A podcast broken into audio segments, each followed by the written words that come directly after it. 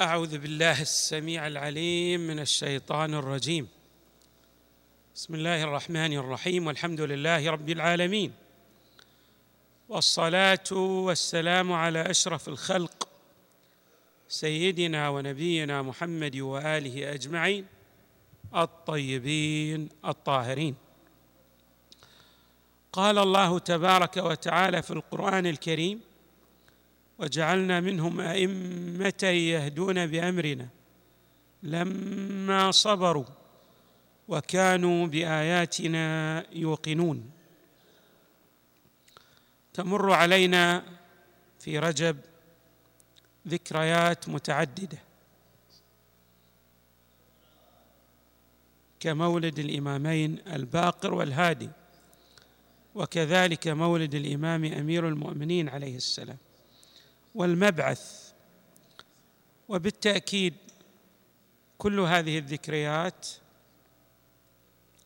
تدلل على عظيم النعم وجليل العطايا التي أولاها الحق تبارك وتعالى للخلق.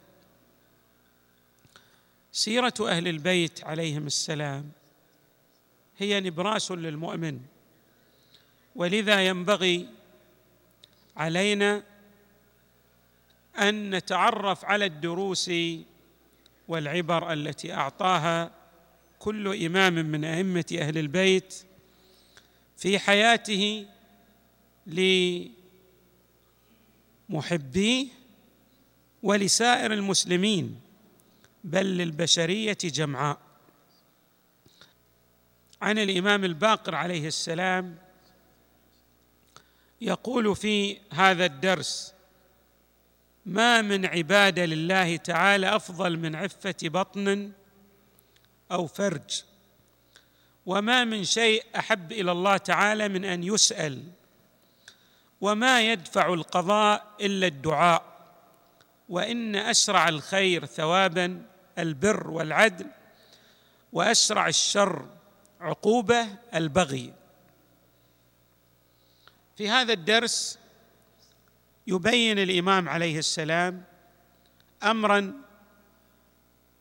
من المهم للمؤمن أن يلتفت إليه ألا وهو ما يسميه العلماء بالتخلية. هناك مصطلح في علم الأخلاق يسمى بالتخلية وبعد هذا وبعد هذه التخلية تأتي التجلية أو التحلية. والاصح أن نقول التحلية. بمعنى أن الصفات الجميلة التي يريد الإنسان أن يتصف بها تتوقف على شرط. ما هو هذا الشرط؟ أن يجرد نفسه من الرذائل. ما لم يجرد الإنسان نفسه من الرذائل يصعب عليه التحلي بالفضائل.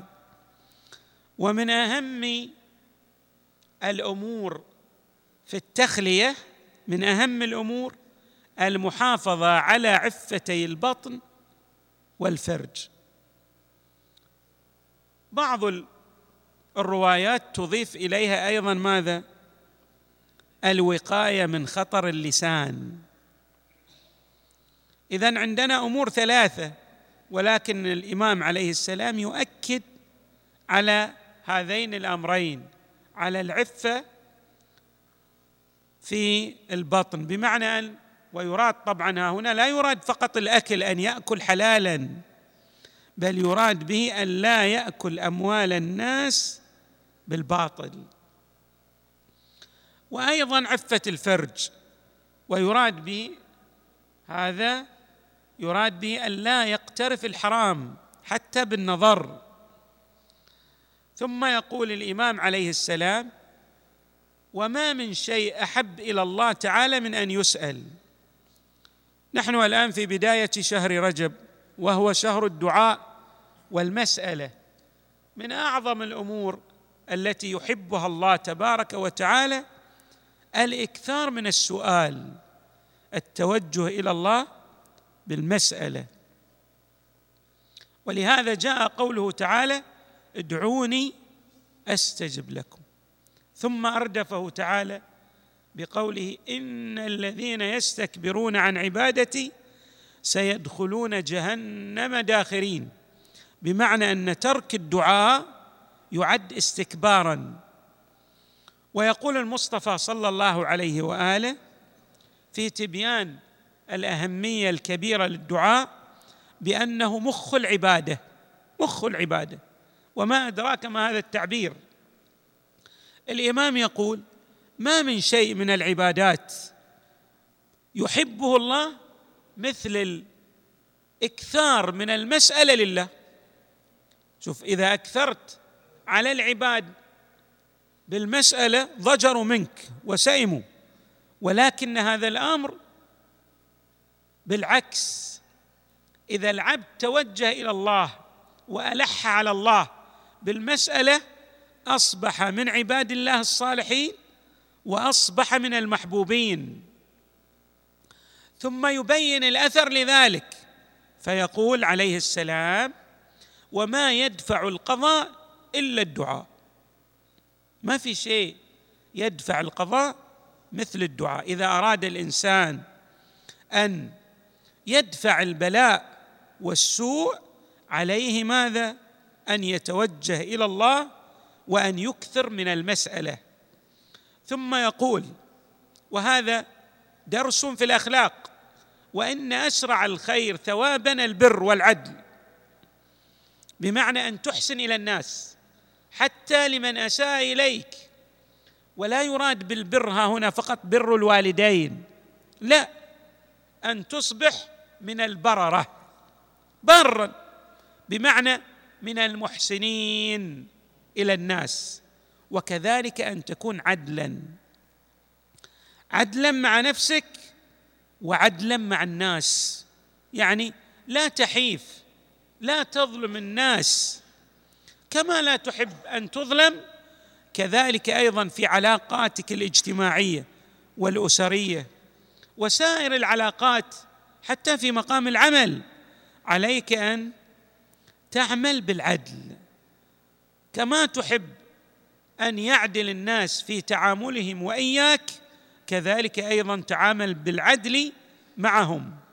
ثم يقول الإمام عليه السلام وأسرع الشر عقوبة البغي. بمعنى ما هو البغي؟ الباغي هو المعتدي الذي يريد ماذا؟